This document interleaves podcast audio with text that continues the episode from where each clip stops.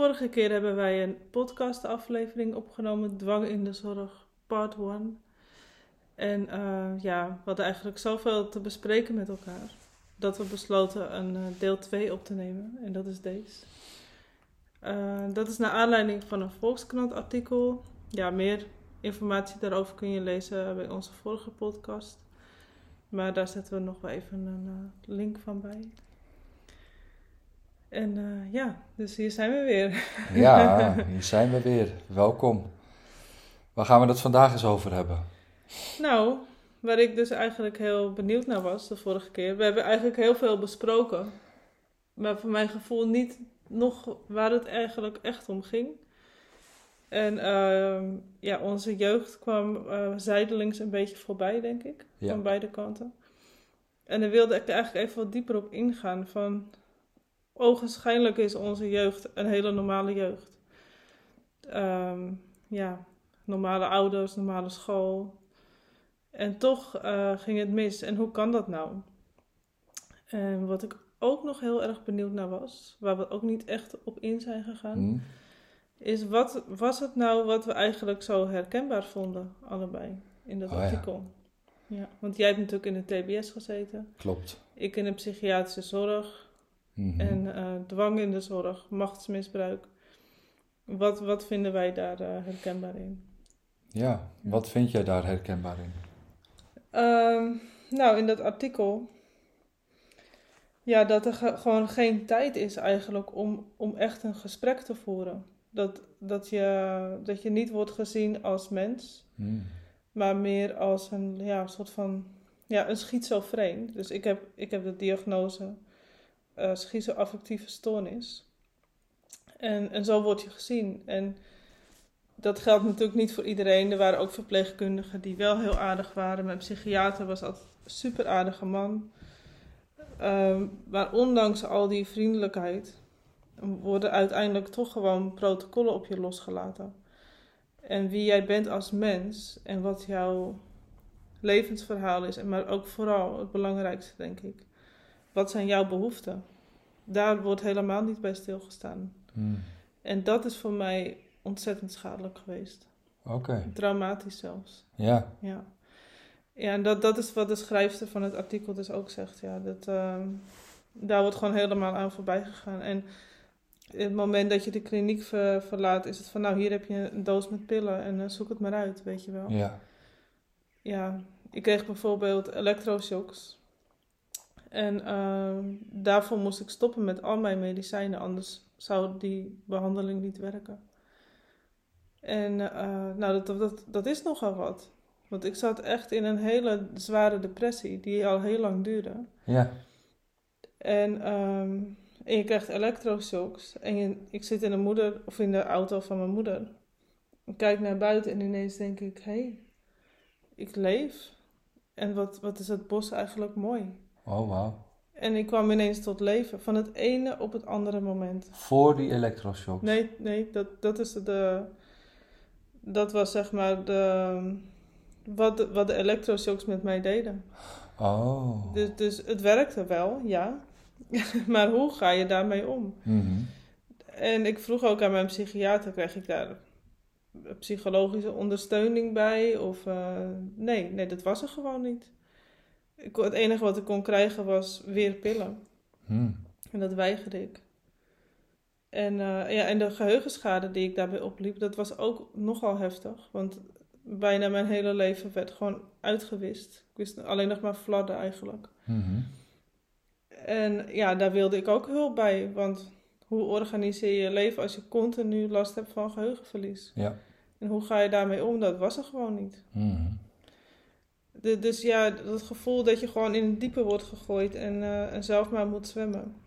Dat vond ik bijvoorbeeld heel erg herkenbaar. Ja. Oké. Ja, nou, voor mij is dat uh, wel even iets anders. Want ja, ik heb eerst natuurlijk een gevangenisstraf gekregen. Uh, waarin ik dus vier jaar, bijna, bijna vier jaar in een, in, een, in een gevangenis zat. Nee, in een gevangenis ja, daar zit je gewoon je tijd uit en dan doe je gewoon wat je moet doen om, om, om ja, je tijd rond te komen. Je kan werken, je kan uh, uh, op de luchtplaats, je kan sporten, je kan eten en eh, op je cel zitten. En nou ja, goed, daar heb je verder niet zoveel aan. Af en toe ging ik wel naar de bibliotheek om een boek te huren en zo, of een boek te lenen. En dan kon ik daar in ieder geval wel mijn tijd mee, mee doorkomen. Maar toen ik in de TBS-kliniek uh, terecht kwam, ja, toen kwam ik wel even in een shock terecht. Van, uh, want dan was het ineens zo dat 24 uur per dag, 7 dagen per week, mensen ineens wat van mij vonden. En ja, had ik het ineens niet meer voor het zeggen en moest ik gewoon volgen wat hun zeiden dat ik moest doen. En als ik me daar niet aan hield, dan, ja, dan, werd, ik, ja, dan werd ik bestraft. En, en hoe uitte zich dat in de praktijk? Kun je een voorbeeld noemen hoe dat eruit zag? Nou ja, ik, ik, ik weet nog wel dat ik bijvoorbeeld uh, in de inkomstenafdeling uh, zat. En toen kwam er op een gegeven moment, uh, was het ochtends en dan moet je altijd verplicht met elkaar samen ontbijten. Wat is een inkomstenafdeling? Inkomstenafdeling is een afdeling waarin je binnenkomt als je nieuw bent in, in zo'n in zo'n kliniek. Ja. En dan gaan ze kijken van met wie hebben we te maken. En wat voor stoornissen zitten eraan vast uh, gekoppeld. Ja. En, en, en, en ja, zodat ze kunnen bepalen welke vervolgafdeling jij terechtkomt. En welke behandeling het beste bij jou past. Die ervoor zorgt zodat jij weer normaal goed kunt, kunt functioneren. Mm -hmm. Maar toen zat ik dus op die inkomstenafdeling en toen moesten we dus ontbijten, s ochtends om 8 uur. En toen weet ik nog dat ik 1 over 8 aankwam. En uh, toen zei een van die begeleiders: Ja, je bent te laat, ga maar terug naar je kamer. Ja. Ik denk, nou, uh, oké. Okay. Nou, zeg maar, als klein kind word je behandeld. Ja, ja, ja, inderdaad. En, uh, en, en op zich is dat, weet je, ik snap dat ze dat doen, want dan kunnen ze op dat, met, op dat vlak kunnen ze bepaalde gedrag van jou be beoordelen. Hè, van hoe gaat iemand daarmee om? Oh ja, ja. Maar ik denk dat elke, elke normale mens, als die zo behandeld wordt, daar toch best wel op een bepaalde, met een bepaalde emotie op reageert. Ja. En natuurlijk snap ik ook wel dat ik heb een TBS, ik heb een strafbaar feit gepleegd en ik moet beschermd worden tegen de maatschappij. Uh, maar de manier waarop uh, kan wat mij betreft wel veel beter. Hoe, hoe had ze dat, want kijk, ik speel even een beetje advocaat van de duivel. Mm -hmm. Gewoon omdat ik, omdat ik me kan voorstellen dat veel luisteraars, denk ik, ook dezelfde vraag hebben. Want ik kan me ook voorstellen, je zit in een kliniek en daar moeten gewoon regels zijn. Weet je wel. En als mensen daar zich niet aan houden, dan moeten consequenties aan vastzitten. Mm -hmm. Dus hoe kijk je daar tegenaan? Hoe denk je dat ze het dan hadden moeten doen? Op dat moment? Nee, in het algemeen. Hoe ze mij uh, gewoon al in de behandeling. Uh... Ik bedoel met het ontbijt bijvoorbeeld. Hoe, mm -hmm. Stel je voor dat jij bent dat behandelaar daar. Hoe zou jij dat doen met jouw cliënten? Nou ja, als ik daar in een inkomstenafdeling, ik zou ze sowieso uh, welkom heten. Ik weet dat het heftig is uh, wat ze gedaan hebben, maar dat ze in ieder geval zichzelf veilig voelen. Oh ja. En dat ze, dat ze weten, hè, dus de rechter heeft een uitspraak gedaan. En ik ben, ik ben, uh, ik ben veroordeeld met, met een maatregel TBS. En dat betekent dus dat ik, in, ja, dat ik op een intensieve manier behandeld moet worden om te kunnen genezen. Om Ja. weer terug te keren in de maatschappij. Dan zou ik als kliniek er alles aan doen om ervoor te zorgen dat die persoon die in behandeling zit zichzelf veilig voelt, zich welkom voelt. En dat, uh, dat, dat, dat we er alles aan, doen, alles aan gaan doen met elkaar om, uh, om ervoor te zorgen dat het allemaal weer goed gaat. Nou, dan gaan we kijken naar de oorzaak. Wat is er gebeurd? Dan gaan we kijken naar uh, hoe is jouw leven en wat heb je nodig? Nou, heb je schulden? Hoe is je sociale netwerk? Nou, uh, hoe ziet dat er allemaal uit? Dat allemaal in kaart brengen. En vervolgens gaan we kijken van oké, maar wat heb je nodig om vervolgens verder te kunnen in de behandeling? Nou, uh, welke therapieën heb je nodig? Welke begeleidingvorm heb je nodig? Wat, kijken wat zijn jouw talenten? Wat vind je leuk? Hoe kunnen we ervoor zorgen dat je, als stel je zou buiten komen, dat we je talenten kunnen gebruiken? Weet je wel? Dus dat we ja. daar echt gewoon naar gaan kijken. En uh, daar binnen de kliniek was nou ja, er waren verschillende mogelijkheden. Ik kwam vervolgens in de afdeling eh, voor ehm, eh, antisociale persoonlijkheidsstoornis. Eh, en ik had een habitueel misbruik van alcohol en drugs. Dus dat betekent eigenlijk dat je, eh, dat je, ja, dat, dat je dus een soort van verslaving hebt eh, aan, aan, aan het gebruik van middelen. En eh, dat je dus een antisociale persoonlijkheid hebt. Dus dat je eigenlijk totaal geen rekening kan houden met mensen en, en jouw omgeving. Ja. Dat was mijn, eh, mijn stoornis. Dus die afdeling kwam ik op terecht. Mhm. En ehm, nou ja, goed, daar kregen we de behandeling. En, en dan is het zo, dan moest, moest ik. Nou, ik zal wel even uitleggen wat, wat ik daar allemaal deed. Of, Nou, nou, ik was eigenlijk nog nieuwsgierig naar Oké. antwoord op mijn vraag. Want eh, wat je, wat je- het beeld wat je schetst is eigenlijk de algemene behandeling. En ik ben Mhm. ook heel benieuwd hoe dat verschilt met de behandeling die je daadwerkelijk kreeg. kreeg. Mhm. Maar, maar zo'n voorbeeld van zo'n regel, dat als je de regel niet perfect naleeft, dat je dan meteen bestraft wordt. Ja, Hoe zou jij dat doen in de plaats van die therapeut? Hij, hij zei het is 1 over 8, ga maar weer terug. Maar hoe Ja. zou jij reageren? als ik die therapeut was. Ja. En waarom? Waarom zou je anders reageren? Ik zou zeggen van, nou, fijn dat je er bent. Ja. En, en eh, laten we gaan eten. Probeer de volgende keer even rekening te houden met dat we op tijd komen. Ja. Dat we, dat we gewoon om acht uur klaar zijn. Want het is belangrijk dat we gewoon regelmaat hebben. En, dat, eh, en dan ook de reden uitleggen waarom ik het belangrijk vind dat we die regelmaat hebben. En die structuur. Ja. En dan, en dan op die manier daarmee om proberen te gaan. En waarom vind je die reactie van jou beter dan die therapeut op jou reageerde? Voor mij voelde het alsof ik als een klein kind behandeld werd. En Ja. niet serieus werd genomen. Ja. En het werd vanuit emotie, vanuit hem naar mij toe, eh, zo eh, be- benaderd. En er werd niet door de persoon zelf achteraf nog uitgelegd Mhm. van ehm, eh, waarom die dat zo op die manier heeft gedaan.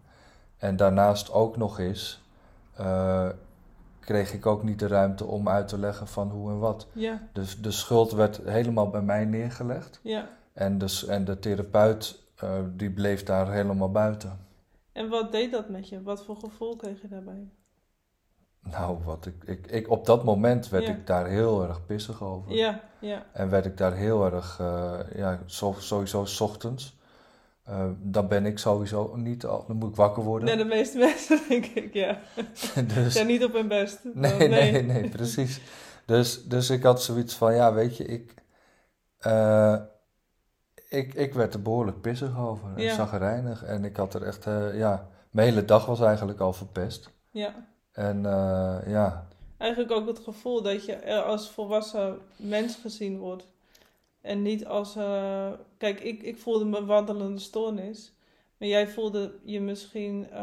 ja, dat is een crimineel, dus die pakken we keihard aan. Maar op dat moment ben je dus geen mens meer. Precies, nee, en dat is ook de reden, dat is ook wat ze gebruiken. Ehm, ja, had je maar niet moeten doen wat je hebt gedaan, had je ook hier niet Ja, terechtgekomen. Ja, precies. dus ehm, ja, eigen schuld, dikke bult. En al, alles, wat, alles wat, wat, wat tegen me gebruikt kon worden, werd tegen me gebruikt.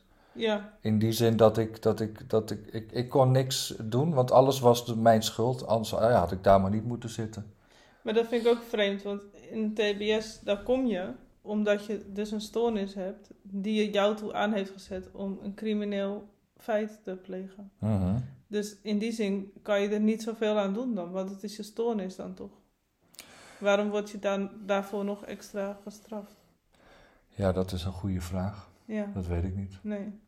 Ik, eh, ik, maar ik heb wel ontdekt, ehm, hoe minder ik weerstand geef op de therapeuten en hoe meer ik meega in de flow zoals hun het voor mij voor ogen hadden, hebben, ehm, had ik zoiets van, nou, dan ga ik daar maar gewoon niet mee. In het begin werd ik heel vaak nog best wel boos en pissig Ja, en, eh, en reageerde ik met een behoorlijk kort lontje. En later ging ik dus ook echt inzien van, ja, weet je, dat heeft geen nut. Ik kan maar beter gewoon luisteren naar, naar wat hun zeggen en doen wat hun willen dat Ja. ik doe. Eh, om, want dan heb ik de kans in ieder geval om een goed leven te hebben, dat ik ook zo snel mogelijk weer naar buiten kan ja komen. precies. Ja, Eh, en ja, dus drukte ik mijn emoties en mijn boosheidsgevoelens vaak gewoon ook helemaal weg. Ja, er werd daar ook niet naar gevraagd over hoe je je voelde. En... Ja, er was continu werd erover gepraat. Hoe Ja. voel je je? Wat ga, ga je mee? Je moet, elke week moest je een weekevaluatie doen. Twee keer in de week moest je met een groep een groepsbespreking doen. Eh, je moest elke keer, als ik, stel ik zou op verlof gaan, dus buiten de kliniek, dat ik dan mocht, moest je dat ook nog voorbespreken, nabespreken. Eh, vervolgens kreeg ik ook nog eh, één keer in de week psychotherapie, psychomotorische therapie, creatieve therapie, Maar die- arbeidstherapie. Alles was therapie. Het was Ja. 24 uur per dag, 7 dagen per week met een microscoop boven je. Werd er besloten van, of werd er naar, naar mij gekeken en over mij geoordeeld. Maar was er dan geen moment waarop je kon zeggen: Dit maakt me allemaal zo boos? Of zo? Dat je dan op die manier je gevoelens met hun kon bespreken. Dat deed ik ook wel, maar aan de andere, e- op, op- aan één, één kant, maar aan de andere kant was, werd daar niet de ruimte voor gegeven. Hm. Want het moest allemaal gekeken worden van waar, wat is jouw probleem en dat ligt allemaal aan mij. Ja, Het is allemaal therapeutisch. ja dus eigenlijk eh, nemen ze daarvoor ook ge- geen verantwoordelijkheid voor hun eigen gedrag richting jou. Want, want dat je, het feit dat je boos wordt is sowieso jouw schuld.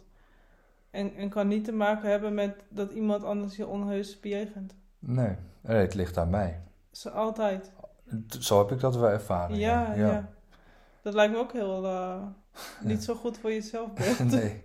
Nee, maar dat heb, ik heb daar ook wel behoorlijk nog eh, van, van, van bij moeten komen nadat ik helemaal vrij was van die hele situatie. Ja, Ehm, natuurlijk was ik af en toe boos en natuurlijk gaf ik af en toe wel mijn, mijn stem eh, over dingen waar ik het niet mee eens was en hoe de dingen liepen. En daar werd dan ook op, op dat moment ook wel naar, naar geluisterd. ja, Ik wil, niet, ik wil het niet helemaal bagatelliseren, maar eh, voor het grootste gros, voor het grootste tijd werd het, werd het wel op die manier, ja. eh, ging, ging dat wel zo, ja. Ik herken het trouwens wel wat je zegt. Want ja. ik weet ook nog dat... eh, ja, ik ben meer dan tien keer opgenomen geweest. Mhm. En het was altijd omdat ik een gevaar was voor mezelf. Dus ik was nooit voor iemand anders een gevaar. Ehm, en de laatste keer dat ik werd opgenomen, dat was de, ook de eerste keer dat het medicijn vrij was. Want ik weigerde alle medicatie. En ze wilden me wel dwangmedicatie geven. Maar gelukkig heeft mijn psychiater dat niet toegestaan. Daar ben ik hem nog wel heel dankbaar voor. Mhm. Maar dat was dus ook de eerste keer dat ik alles heel bewust meemaakte.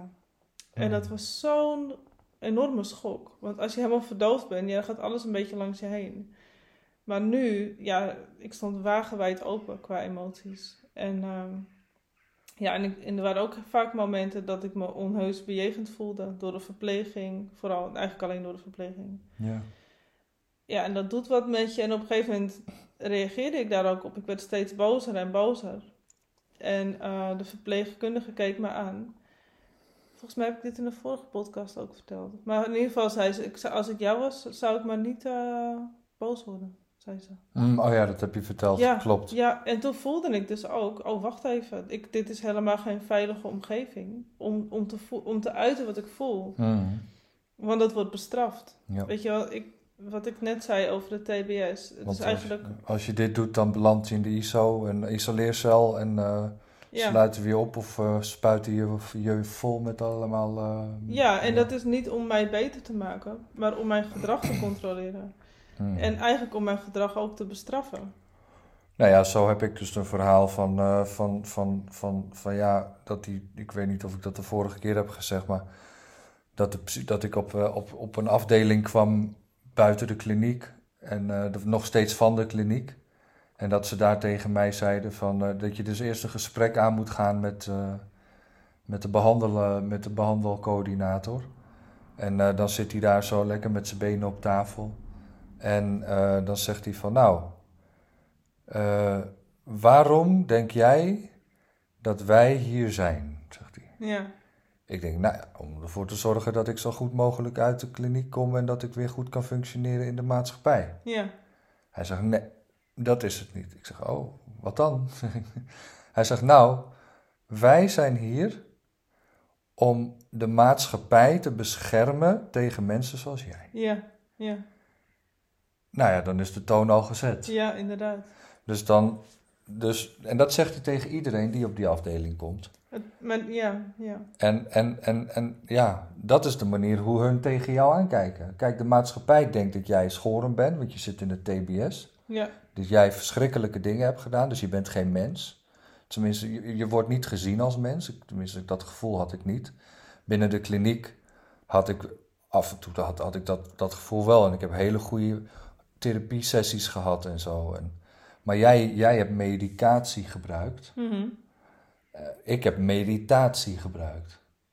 Voor mij was meditatie mijn medicijn. En gelukkig kreeg ik daar ook de ruimte voor ja, om dat ook te beoefenen. ja. Maar wat heeft jou eh, geholpen door de jaren heen? Nou, ik heb zes jaar in de psychiatrie gezeten. Eh 2004 tot 2010. En wat mij er in die tijd doorheen hielp, Mhm. ja, dat, dat was in bed liggen met een kat en eh, kalmeringsmiddelen. Want de bijwerking van de antipsychotica, dat, en dat wist ik toen niet, want dat werd allemaal op mijn ziekte geschoven.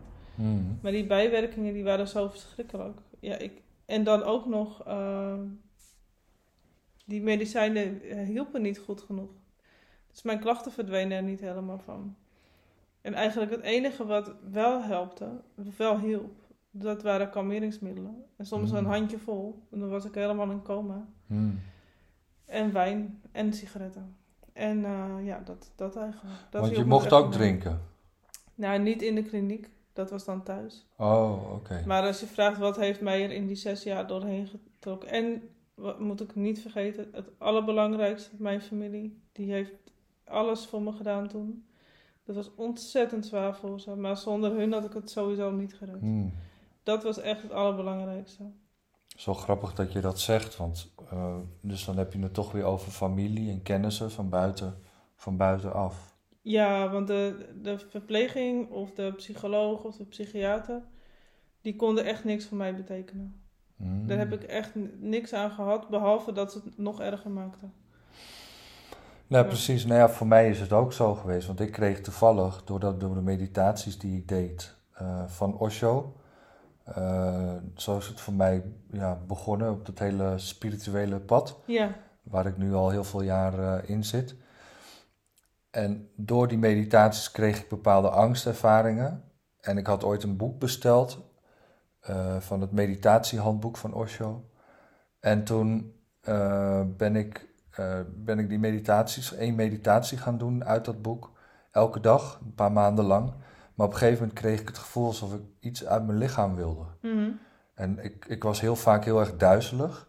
En, en dat gaf me wel bepaalde angst. ja, En eh, ik, ik voelde wel, maar dat was al in de gevangenis dit, hè. En ik voelde wel van, ja, ik kan hier niet met iemand over praten. En in dat boek wat ik bestelde, kreeg ik ook wel eens van die foldertjes met telefoonnummer erop. En dan belde ik dat nummer met mijn telefoonkaart. En toen kwam ik in contact via, via met, met Ojas, een, een man. En, en, en die gaf me gelukkig allerlei tools. eh, zodat ik ja, weer echt een beetje terug op aarde kwam. Want ik wilde eigenlijk helemaal niet eh, op die plek zijn. Ik Mhm. wilde juist weg. Ik wilde juist uit die realiteit. Dus ik, ik raakte helemaal de verbinding met de aarde kwijt. En vervolgens is die Ojas heel vaak bij mij op bezoek gekomen. ja, Hij heeft een heel netwerk voor mij heeft hij geregeld. En door die mensen voelde ik me dus heel erg gezien en gehoord. En dat maakte voor mij juist dat ik het, heel, dat ik het kon hou- hou- houden. En dat ik ook heel vaak bezoek kreeg van mensen. Ja. En dat ik mensen kon bellen als ik ergens mee zat. En, en door dat te doen kwam ik dus steeds, ja, ko- kon ik steeds weer volhouden en doorgaan. Dus voor mij is het ook heel erg belangrijk dat, je, dat, dat, we, eh, dat we dus ook echt gezien en gehoord worden. En dat we echt helemaal onszelf kunnen zijn. ja, En daarom zei ik ook in het begin, van toen ik op die inkomstenafdeling ze- kwam, dat je dus echt vanaf het begin al iemand veilig stelt en iemand een goed gevoel geeft Ja. over zichzelf. mhm. Want als iemand zich goed voelt, dan opent iemand zichzelf en dan kan die, en dan kan die, kan die helemaal eh, zichzelf weer helemaal, eh, eh, ja, ja, dan krijg je ook een band. precies. En dan voel je gehoord en Dan- gezien. precies. En dan, en dan, ja, maar dat herken Ja. ik ook inderdaad. Dat later uit de psychiatrie. Wat ik trouwens even nog aan wilde stippen, is dat wat je eigenlijk vertelde was een Kundalini-ervaring. Ja, En ehm, En dat vind ik heel erg interessant, want ik denk dat heel veel mensen met een psychose, waaronder ik zelf, die ervaring ook hebben. En uh, dus dat is ook een gedeelde ervaring, vanuit een heel ander perspectief. Maar misschien kunnen we daar ook een keer een podcast aan wijden. Ja, wie weet. dat was even een zijsprongetje. Ja, Oké, ja. Maar- leuk. Ehm, nee, maar dit vind ik wel een, een hele goede, ja. Dat, eh, dat gehoord en gezien worden. Want kijk, mijn familie, die was er echt voor mij. En dan bedoel ik niet alleen mijn ouders en mijn zusjes en mijn zwagers. Maar ook ooms en tantes, nichten, neven. Hmm. Dat is echt belangrijk. Maar hoe lief die mensen ook waren. En eh, ze zagen mij wel als iemand met een stoornis. Ja, En eh, ja, en dan word je gewoon zo behandeld. klopt. En dan bedoel ik behandeld op een manier dat het. Ja, mensen vinden je gewoon. Die hebben toch medelijden met je. En dat is ook terecht, want het was ook puur lijden. Maar dat helpt ook aan de andere kant niet. Want je, jij als mens wordt gewoon niet meer gezien. En dat zijn onbewuste processen. Mm. Daar, kan je, daar geef ik ook niemand de schuld van.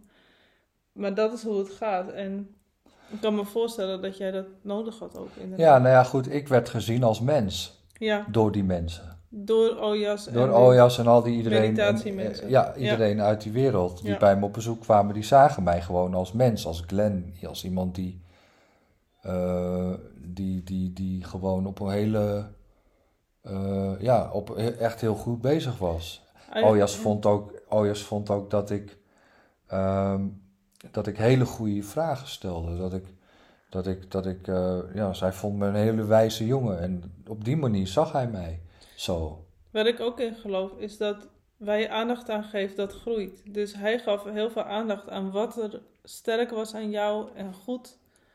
En dat, dat groeit dan ook in jou. Hmm. Toch, denk ik? Ja, ja nou, ik kan me op een gegeven moment wel herinneren dat eh, ik ging heel vaak ook op eh, bezoek bij Ingrid. Dat is ook iemand anders. En, en, en zij was een soort van moederfiguur voor mij. Ja, Zo, zo, zo, zo'n connectie had ik met haar. En eh, ze kwam heel vaak op bezoek en ze kwam ook heel vaak, gingen we brieven schrijven en doen. En, maar buiten de kliniek ging ik dus ook bij haar op bezoek als ik op verlof mocht. ja, En toen eh, gingen we daar ook nog veel dieper, eh, eh, de- nog dieper in de processen en helen en, en, en, en werk doen. En ik kan me nog herinneren dat zelfs de kliniek naar haar toegegaan is van hoe doe je dat eigenlijk met Glenn? Oh. hoe, kun je, hoe, doe je, hoe, hoe, hoe kan het zo zijn dat, dat, dat hij bij jou wel al die dingen doet dan bijvoorbeeld eh, eh, nou, al die dieptes in, in, in te gaan en al Mm. die emoties. Want ik praat er in de kliniek, praat ik er gewoon over dat ik ook nog, wat er ook nog buiten de kliniek gebeurde. ja, En hun waren helemaal flabbergasted. En Ingrid die moest lachen, want ja, die zegt van ja, weet je, wat, dat is iets wat jullie niet kunnen geven. En dat is veiligheid. ja, ja, inderdaad. Dat is zo Dat is alles belangrijk. waar het om gaat. Veilig voelen en, en je gezien voelen, je gehoord voelen en er totaal 100% mogen zijn. Absoluut, maar dat is ook denk ik. ehm, kijk, dat vind ik ook wel interessant, want eh, wat ik aan het begin ook vertelde over onze jeugd. Hmm, Dat, ik denk wat je nu zegt, dat dat, dat daaraan raakt. Ja. Want als ik kijk naar mijn jeugd, dan, eh, ja, mijn ouders, kijk, mijn vader werkte gewoon hard, mijn moeder was er voor ons. Hmm, Eh, we hadden alles wat ons hartje begeerde. Qua, we hadden nooit geldproblemen of, eh, weet je wel. Ja, ik, weet je, en mijn ouders zijn niet verslaafd of niks. Of, weet je, ik had gewoon, gewoon normale, lieve ouders. Nog steeds heb ik die. hmm, En, en waarom, waarom ging het dan mis? En ik, ik denk dat ik wel een paar dingen heb gevonden. Eh, want ja, zoals ik vorige keer ook al zei, ik ben gewoon heel erg gevoelig. hmm. En eigenlijk is het zo, kijk, 100 jaar geleden, dan had je daar wel de tijd voor om daarvan bij te komen, denk ik. Ja, het ligt natuurlijk ook aan wat voor klasse je opgroeide. Hmm. Nou, laten we zeggen dan in de, in de oertijd misschien. Dan heb je tijd om daarvan bij te komen. Maar in mijn jeugd was er nooit tijd. Alles moest altijd snel. En eh, dus ik had nooit kans om alles wat ik ervaarde te verwerken. Want daar was gewoon geen tijd voor. Maar werd jij ook niet veel te veel onder druk gezet? En moest jij ook niet veel te veel van je omgeving? Ja, ook. Dat gevoel had ik ook altijd. Ja, En, ehm, en wat, ja, weet je, voor een, een normaal kind, zeg maar, die kan gewoon van 9 tot 3 naar school. En dan rekenen en taal doen. Ja, en ik ben toch anders dan andere mensen. Dus ik heb hele specifieke interesses. En daar heb ik ontzettend veel energie voor. ja, En alles wat daar buiten valt, dat kost me heel veel energie. En dat geeft niet, weet je wel. Ik, ik, natuurlijk wil ik taal en rekenen leren. Mhm. Maar ik, ik had veel meer tijd nodig om dat te verwerken. En ja, dat kreeg ik gewoon niet. Dan, en dan bouwt het zich op. Weet je wel, dat op een gegeven moment eh, zorgt ervoor dat, dat je gefrustreerd raakt en angstig. Mhm. Maar als kind heb je dat niet door, want, want je denkt, dit is de normale wereld. Alle, en, en als ik daar niet mee, in, mee kan gaan, dan ben ik blijkbaar heel vreemd. Mhm. Dat is de conclusie die je dan trekt. Ja, er werd niet specifiek naar jou als mens gekeken, maar er werd meer gekeken als eh, gewoon mens als in, zoals iedereen is. En je moet een bepaalde eh, strategie volgen zoals het uitgedacht is door, nou ja, door het systeem. Ja, En, eh, en, en omdat jij daar niet in past, word je een buitenbeen en ga, ga, ga je je eigen leven leiden. En wordt er niet echt gekeken naar jou als jij, wie jij bent als, als, als mens. Nou, eigenlijk, nu je dit zo zegt, realiseer ik me dat als kind werd er dus nooit ook gevraagd, bijvoorbeeld, wat zijn jouw behoeftes? Waar heb jij behoefte aan? Mhm. En, en later als volwassene wordt dat ook niet gevraagd, als je gaat werken bijvoorbeeld. Dus je moet altijd jezelf aanpassen aan, aan je omgeving. Mhm. En het moment dat ik in de psychiatrie kwam, werd dat ook nooit aan mij gevraagd. Wat zijn eigenlijk jouw behoeftes? Wat heb jij nodig? Mhm. Dus meer als een behandeling niet werkt, dan Ja. is dat jouw schuld. Ja. Oké. En Maar, maar daar komen we op een heel mooi punt. Want dat is ook iets wat we bij, eh, uit het artikel eh, hebben gelezen. Hè? Daar hebben ze het bijvoorbeeld ook over de open dialogue. Ja, Hè, dat een hele mooie methode die in, in, in Finland eh, eh, een enorm succes is. En heel veel positieve resultaten oplevert. Waarin mensen dus ja, een soort van medicatievrij weer terug kunnen keren in de maatschappij. En dan hebben we het echt over een, een, een, een percentage van 80% van de mensen ja. Die die, die, die be- behandeling aangaan. En mensen met eh, een eerste psychose. Precies. En, Ja. en, dan, en, dan, en dan in die open dialogue worden dus uh, al jouw kennissen, vrienden van, hè, die voor jou belangrijk zijn op dat moment in je leven, eh, worden allemaal uitgenodigd. Eh, en, en, en iedereen wordt dan in de cirkel gezet. En dan vervolgens eh, wordt er gewoon gevraagd van, nou oké, eh, eh, wie heeft er wat te delen? En, en dan kun je delen wat je voelt. En dan kan iemand op reageren. En dan zo ga je op dat gesprek aan. En jij als, eh, ja, ik noem het maar even patiënt dan of zo. Ja, eh, of degene die die, die, die, die psychose eh, heeft of heeft gehad. eh, die kan ook dus helemaal zijn verhaal doen. En, en, en helemaal gewoon delen wat er, wat er in hem omgaat. Zonder het gevoel te hebben van... hé, hey, er wordt op me, over me geoordeeld. Of ik, eh, ik, er wordt niet naar me geluisterd. Of ik word niet geaccepteerd. Of, of bijvoorbeeld, je hebt waanideeën, die zijn per definitie niet waar. Mhm. Dus moet je die gewoon niet geloven. Mhm. Maar in plaats daarvan, in Open Dialogue wordt gevraagd: Oh, oké, je, je denkt dus dit of dat. En, en wat heeft dat te betekenen voor jou? Weet je wel? En dan haakt iemand anders daar bijvoorbeeld op in: van hé, hey, wacht even, dat is een symbool bijvoorbeeld, die ik herken. Mhm. En dat is wat het bij mij oproept. En zo kom je in een groepsproces Ja, met elkaar tot iets waar Juist. iedereen uiteindelijk een goed gevoel bij heeft. ja, En kijk, als je bijvoorbeeld in elk ehm, menselijke relatie is eigenlijk een proces. ja. Je zit altijd in een groepsproces met de een of met de ander. Mhm. En er zijn zoveel dingen nodig om zo'n groepsproces goed te laten verlopen. ja. En als er, als er genoeg aandacht aan wordt besteed, inderdaad, aan wat, wat voelt iedereen, is daar genoeg ruimte voor. Mhm. En als die ruimte er nooit is, weet je wel, dan, ja, ja dan, dan eh, loopt iemand toch vast. Ja, nou, het zou super mooi zijn als er ook zo'n eh, manier, of zo'n therapie, in, in Nederland aangeboden eh, gaat worden. Ja. In ieder geval denk ik dat het belangrijk is dat je dus gezien wordt als mens. Ja. En dat er dus ook eh, op die manier naar elkaar gekeken wordt. Want ik heb, ik heb altijd gezegd hè, van, van, ik vind het altijd zo'n rare eh, benaming in zo'n therapie, in zo'n kliniek, eh, dat je dus gezien wordt als patiënt.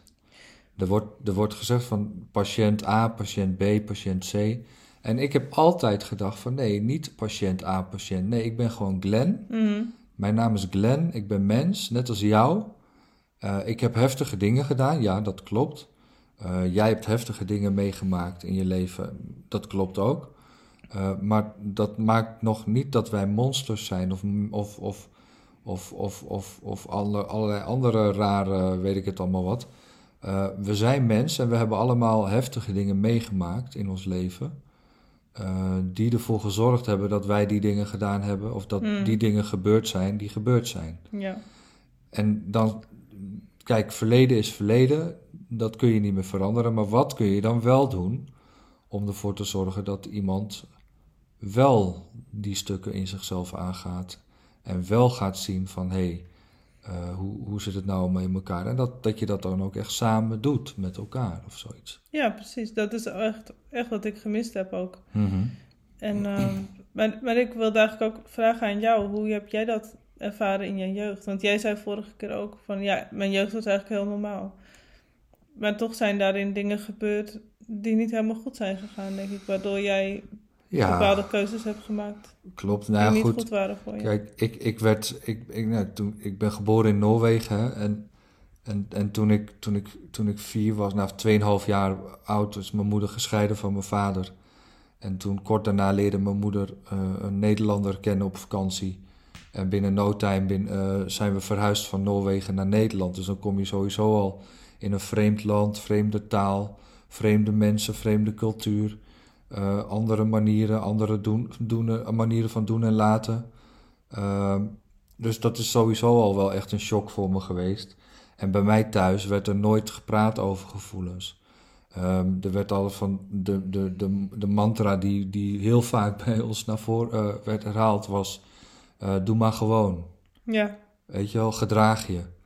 Eh, weet je, en gewoon normaal doen. Precies. Ja. En, en doe je niet normaal, ja, dan word, word, word ik of bestraft.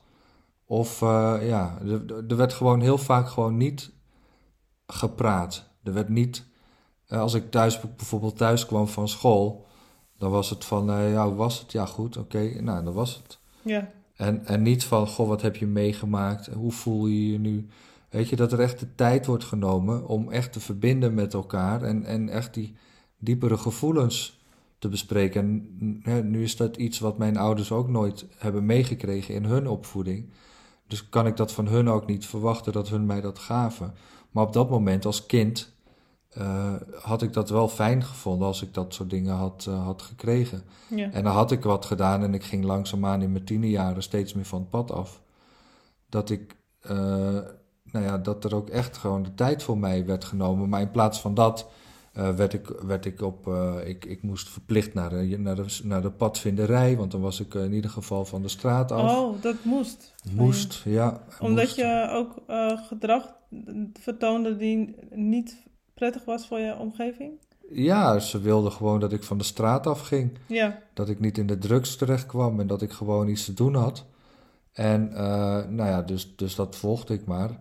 En ik moest allerlei dingen doen, bijvoorbeeld eh, op eh, drummen, weet je wel, in de, in de harmonie. ja. Nou, dat eh, nou, moest ik dan ook doen. Maar werd er ooit in jou gevraagd, wat voor hobby wil jij op? Of wat voor sport wil je op?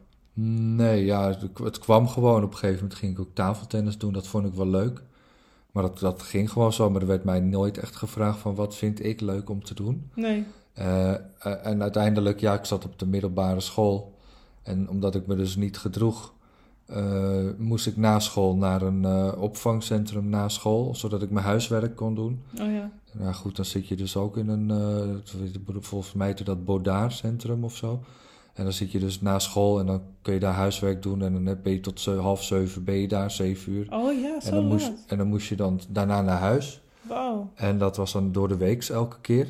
En dat heb ik al een paar jaar heb ik dat wel meegemaakt. Nou, later kwam ik ook in de drugs en dan moest ik met die gesprek en daar in gesprek. En het werd continu het probleem bij mij neergelegd. Ja, En nooit gekeken van wat is het eigenlijk in de familie, wat de fout is, weet je. Maar er werd altijd maar gekeken, nou, wat, wat heeft Glenn nu weer fout gedaan? maar wat was het dan in de familie dat het fout was? Nou, er werd niet gepraat. Ja, ja, precies. Er werd niet over, over hun aandeel gekeken. Er werd ook niet gevraagd aan mij, hoe voel je je nou, Glenn? Ja, precies. De, de, wa- wat kunnen wij doen om ervoor te zorgen dat, dat, dat, jij, je, dat, dat, dat jij je goed voelt? Ik had nog een broer, ik had nog een halfbroertje. En ik snap dat het heel inge- ingewikkeld is. En zeker als je er emotioneel, als je daar als je ook moe- moeite hebt om te praten, dat dat, dat, dat, ja, dat, dat zeg maar links gelaten wordt. Maar als ik als mens nu terugkijk naar die situatie en hoe dat was, had ik heel fijn gevonden om af en toe eens een keer een knuffel te krijgen. Ja, Of, eh, of, eh, of, eh, of, of ook eens even een, gewoon eens een ge- gezamenlijk gesprek te hebben met elkaar. mhm. En ja, dus, maar dat, dat, werd niet, dat, werd dus niet, dat werd dus niet gedaan. En, maar goed, ik wil niet zeggen, want we hebben, ik heb ook een hele, goe- hele leuke jeugd gehad. En we hebben hartstikke ja, fijn op vakantie geweest. En we, hebben, we gingen altijd op bezoek bij familie. Eh, mijn ouders hielden ook wel van een borrel. Dus dat ging ook eh, elke, nou, heel vaak weekenden dat ze met vrienden waren. En dat vond ik als kind ook hartstikke fijn. Maar was dat echt wat ik nodig ja, had? ja, precies. Dat is eigenlijk, Want we moesten het maar uitzoeken, weet je wel. En mijn ouders die hadden een pleziertje met een drankje en een gezellig. En we hadden altijd bezoek en mensen om ons heen.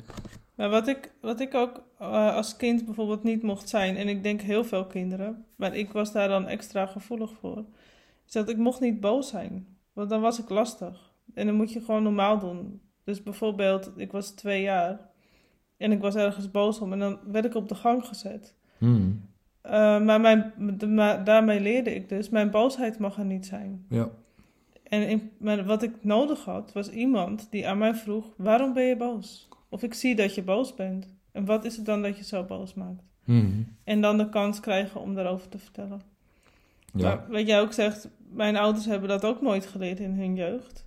Dus ik kan dat ook inderdaad niet van hun verwachten. En dat neem ik ze ook niet kwalijk, want ik zie echt dat mijn ouders altijd hun uiterste best hebben gedaan om het goed te doen. En wat is goed? Ja, dat, dat was gewoon toen niet echt bekend. Wat nou goed is voor een kind. Maar was het nou ook niet zo dat jij een keer tegen mij gezegd hebt van dat jij in een behandeling zat met je ouders en dat toen de therapeut aan jouw ouders vroeg van, eh, maar wat heb je wel eens zelf, eh, geven jullie wel eens een compliment of zo? Klopt, ja, kijk, ik had natuurlijk ook nog autisme. Dus ik, ik had ook veel gedrag wat mijn ouders niet begrepen. Bijvoorbeeld, eh, van mij moesten alle laadjes altijd dicht. Alle deuren moesten altijd dicht. En als dat niet gebeurde, werd ik heel boos. En achteraf gezien, ehm, kijk, ik krijg gewoon zoveel prikkels binnen dat het me overspoelt. Hmm. En daar raak ik van in paniek. En in een poging dat te reguleren, probeer ik mijn omgeving te controleren. Ja. Om de prikkels te verminderen. En een van die manieren was alle laadjes dicht. Dat geeft rust. Ja. Het klinkt heel onlogisch, maar Ja, dat ja. was gewoon voor mij zo toen, als kind. Mhm. Maar ja, je kan niet, niet van een gezin verwachten dat ze altijd mijn regels volgden. En dat was niet het enige wat ik, eh, wat ik als regel had. Mhm. En dat zorgde voor steeds meer frustratie en boosheid bij mij. En, eh, en mijn ouders waren continu bezig om mij te vertellen: rustig, doe rustig, doe normaal. Je kan niet verwachten van ons dat we dat allemaal doen voor jou, weet je wel. En daarmee hoor je eigenlijk alleen maar kritiek. Mhm. En mijn ouders stonden er gewoon nooit bij stil dat ik ook complimentjes nodig had. Het kwam gewoon niet in ze op, want ja, je bent alleen maar bezig dat gedrag van je kind te controleren. Plus, ze hadden zelf ook nog een druk leven. Weet je wel, een eigen bedrijf, daar moest ook goed voor eh, gezorgd worden. En nog- twee andere kinderen die ook belangrijk zijn. Mhm. Dus ik begrijp het allemaal wel. En autisme was toen ook nog niet zo bekend. Maar ja, op een gegeven moment liep het echt heel erg uit de hand. Want ik was 13 jaar. En toen kreeg ik mijn eerste echte psychose. En ehm, toen begon ik ook in mezelf te snijden. Dus dat was natuurlijk een groot probleem. Mhm. En ik maakte ontzettend veel ruzie met mijn ouders. Ik was alleen maar, hadden alleen maar ruzie. En mijn ouders besloten toen om zelf naar een eh, psycholoog te gaan. Of ik denk dat het een pedagoog was. Om te vragen, ja, hoe kunnen we nou anders met, eh, met Charlotte omgaan? Ja, oh, dat is wel mooi. Ja, en een van de eerste dingen inderdaad die hij vroeg was... Nou, hoe vaak geven jullie haar eigen compliment? Toen keken ze elkaar aan en dachten ze... Oh, oh hoe vaak? Nou, eigenlijk nooit. Mm. En ehm, ja, dat was een hele goede vraag van hem. En mijn moeder die nam dat gelukkig heel serieus meteen.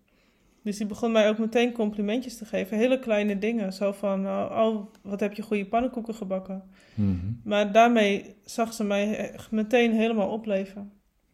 Alleen het probleem was dat het, het was toen al te laat daarvoor.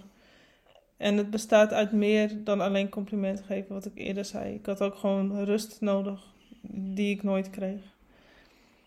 Dus eh, het kon niet voorkomen dat ik alsnog in een psychose terecht kwam. Maar, maar wat denk jij, want jij was 13 toen je dus die eh, psychose had gekregen, je eerste. Ja, Wat had jou op dat moment eh, geholpen om daar goed uit te komen als Oh, 13-jarige? wat een goede vraag. Nou, ik had meteen ergens anders moeten gaan wonen. Ergens in de natuur, in een, in een instelling. Waarbij ge- tegen mij werd gezegd, je hoeft even helemaal niets. Mhm. Je mag hier gewoon Charlotte zijn. Ah ja. En we gaan met jou kijken wat je nodig hebt om wel gelukkig te zijn. Oh, wauw. Dat is het enige. Ja, en gewoon goede voeding erbij. Echt Mhm. belangrijk. Ja. En een beetje zinvolle activiteiten. Geen dwangarbeid, Ja. wat, wat ook veel ge- toegepast wordt.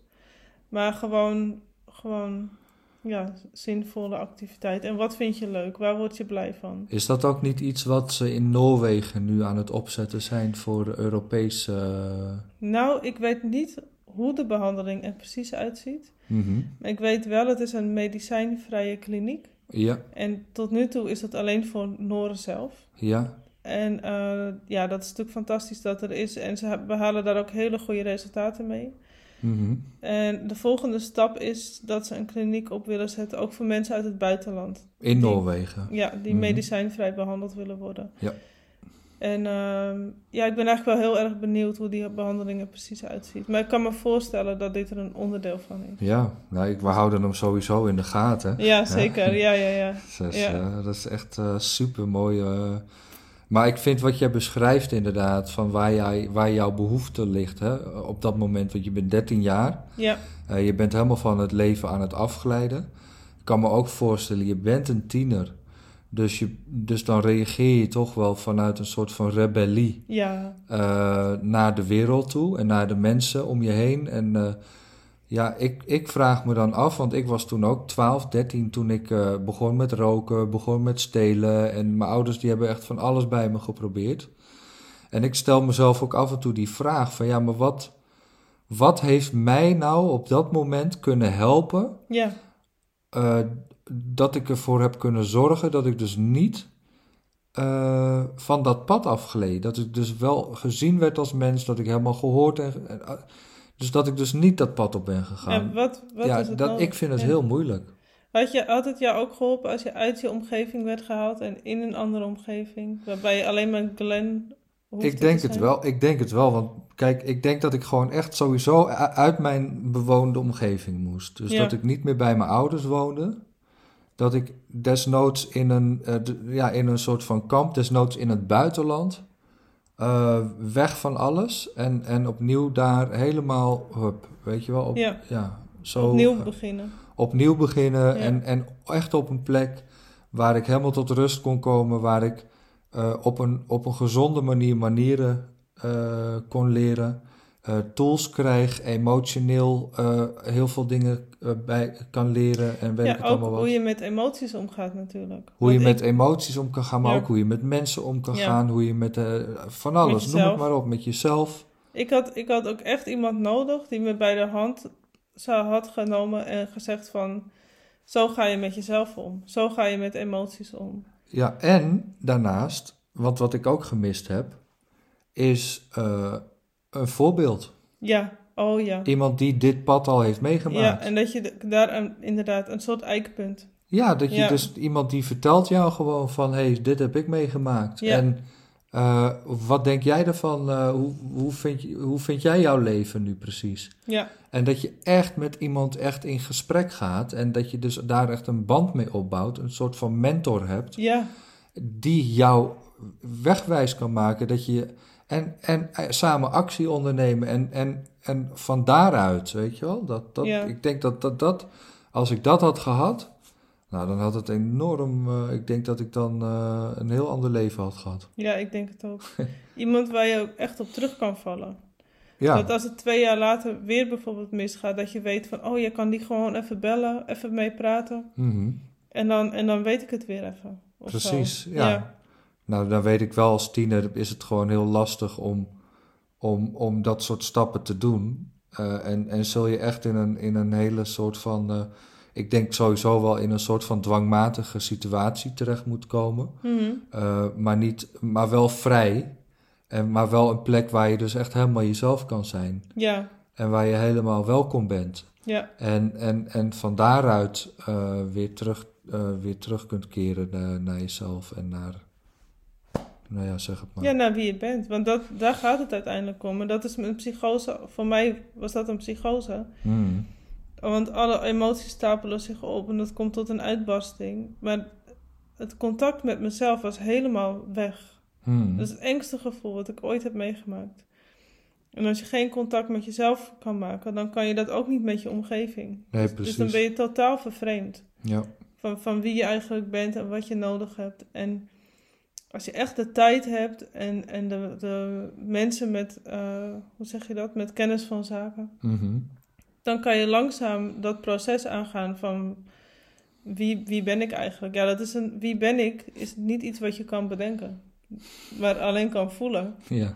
En dat is, dat is de tijd die je ervoor moet nemen Nou, om wie te ben voelen ik? van Precies. wat ben ik en wat heb ik nodig. En ik denk inderdaad ook, eh, als ik kijk naar mijn eigen leven en wat mij geholpen heeft, is het sowieso meditatie, adem, eh, dat soort ja, bewustzijns, bewustzijnmakende tools. Ja, Dus, dus dat je dus bewuster wordt van, van je lichaam, van jezelf en van de dingen die in jezelf spelen. En dat je daarin begeleid wordt, ook als tiener, eh, denk ik dat echt enorm eh, eh, bij kan dragen absoluut.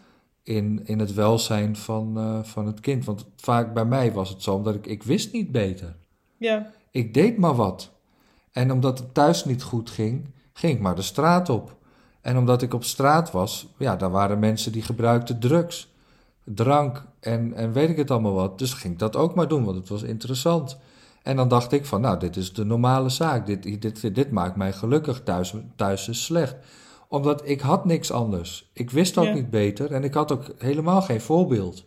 dat is ook wel herkenbaar voor mij. Want eerlijk gezegd, op mijn dertiende ben ik toen dat pad ook opgegaan. Ik kreeg ook dat soort vrienden die drugs gebruikten. Ja, Zelf ging ik nooit verder dan blowen, want ik voelde wel aan dat eh, alle andere drugs echt een stap te ver voor mij zou zijn. ja. Maar ik weet ook hoe verloren ik me vaak voelde. Dat ik dacht, ja, ik weet niet wat ik moet doen. Mm. Weet je wel, waar voel ik me nou goed? Ik, ik, ik, er was geen plek waar ik me goed voelde. Dus ik was altijd maar een beetje aan het zoeken. En inderdaad, dat bewustzijn van wat heb ik, eh, waar voel ik me goed bij, dat, dat had ik helemaal niet. Nee, ja, ik ook Of niet op wat dat zijn moment. goede keuzes nu voor mij op dit moment? Precies. Als, als kind is dat natuurlijk iets wat je moet leren, maar ja, ik leerde dat pas op mijn dertigste, dat is een beetje laat. Ja. Maar ook door meditatie. Mm. Want dan, daarmee leerde ik inderdaad echt bewust aanwezig te blijven, te voelen. Ja. Ja, inderdaad. Nee, dat is het inderdaad. En eh, nou ja, goed, ik, ik denk, ja, we hebben zoveel te bepraten. Maar ik denk wat dat, wat dat betreft op, over dit onderwerp, dat we wel echt wel de kern te pakken hebben. hè? Ja, ja, zeker. Want wat, als we een samenvatting zouden geven, wat, wat hadden we als kind nodig? Dan, ik, voor mezelf denk ik, gehoord en gezien worden. Ja, voor mij ook gehoord en gezien worden. Maar ook eh, zeker heel erg belangrijk is dat je dus eh, met mensen te maken hebt die eh, zelf ook al behoorlijk door het pad zijn gegaan. En niet in de studieboeken hebben gezeten, maar in het leven hebben Ja. gezeten. En, en, en die mij gewoon echt in, in gewoon kunnen, kunnen laten voelen Ja, wat ik aan het doen ben en wat er gebeurd is en waar het naartoe zou kunnen gaan en, en dat soort zaken. en, en rust. Denk ik. Rust. Gewoon rust, even niks. Je moet niks. Je moet niks, nee. Je kan gewoon ontspannen, want het is goed. Dat Mm. gevoel. Ja, Ik denk dat ik dat niet alleen in mijn jeugd, maar ook in de behandeling nodig had. Dat gevoel. ja. Allebei. Mm, Eigenlijk, eigenlijk sluiten die twee heel erg goed op elkaar aan, klopt. denk ik. Ja. Ja. Nee, zeker weten, ja. Eigenlijk, eigenlijk als je jeugd niet helemaal gaat zoals het zou moeten gaan, denk ik, dan eh, de behandeling die je krijgt is eigenlijk een soort van eh, vervolg daarop. Je doet je jeugd nog even snel nog een keer, maar dan goed. Ja, Want je hebt toch een goede basis nodig voor jezelf om verder te kunnen gaan. klopt, ja. Ja. Maar ja, goed, het is, kijk, er zijn heel veel instellingen. En heel veel eh, eh, mensen die, die, die vinden en zeggen dat het allemaal beter eh, kan of anders moet. Maar ik denk dat het gewoon ook eens belangrijk is dat we het ook eens gewoon echt gaan doen. Mhm. En, en, en, en, en ik denk dat het begint bij onszelf. Dus, dus mijn houding is, naar het leven is ook gewoon dat ik mensen op die manier ook zo behandel. En, en dat, ik, dat ik daarnaast ook ja, eh, kijk van ja, hoe, hoe, hoe kunnen we ervoor zorgen dat, dat we mensen echt gaan zien als mens. In plaats van als eh, datgene wat ze, wat, ze, wat ze laten zien. Precies. Eh, eh, waar we dan weer een oordeel op hebben. En ehm, dus ja, ik, ik denk, ja, laten we dat op die manier gewoon doen. Dus, dus door eerst gewoon naar onszelf te kijken. Ja. En te kijken van wat, wat kan ik doen om ervoor te zorgen dat de wereld een stukje mooier wordt. Ja. Ja, dat is Toch? een hele mooie, Ja, mooie afsluiting. mooie afsluiting. Ja, ja, ja, precies. Dus maar ehm, nog een betere wereld begint bij jezelf. een betere wereld begint bij jezelf. En, eh, en, en, en misschien kunnen we het daar ook de volgende keer wel over hebben. Ja, Van hoe ziet dat, dan, hoe ziet dat er dan uit? ja, dat lijkt me helemaal Een betere wereld begint bij jezelf. Of, Ja. Nou goed, laten we daar nog eens even over nadenken. Ja, ja, ja. Maar eh, in ieder geval eh, hartstikke bedankt voor het luisteren. En eh, ja, we zien jullie graag, eh, of we- ja, we, we hopen jullie graag eh, over twee weken weer terug, terug te horen, te zien, of te, nou ja, hoe zeg je dat eigenlijk? Te hè? ervaren. Te ervaren. Ehm, heb jij nog wat toe te voegen? Nee, nee, ik vond het wel een mooi gesprek zo. Ik denk dat we de kern wel voor onszelf in ieder geval wel duidelijk hebben. Ja, dat dacht ik ook inderdaad. Ja, dus eh, ik zou zeggen, deel dit, eh, deze podcast met zoveel mogelijk mensen en eh, instellingen en instanties en noem het maar op. Zodat, ja, zodat er ook weer een, een, een, nieuw bewustzijn komt op, op deze hele wereld van, ja, van mensen die het toch ook hebben meegemaakt. Ja, en vooral de kinderen die dit nu meemaken. Dat zij niet Sowieso. hoeven meemaken waar wij doorheen zijn gegaan. Want dat, is ik. voor mij echt een hele belangrijke drijfveer. Ja. Nou, top. Oké, nou, Nou, bedankt allemaal. En eh, ik zou zeggen, heb een fijne dag. doeg.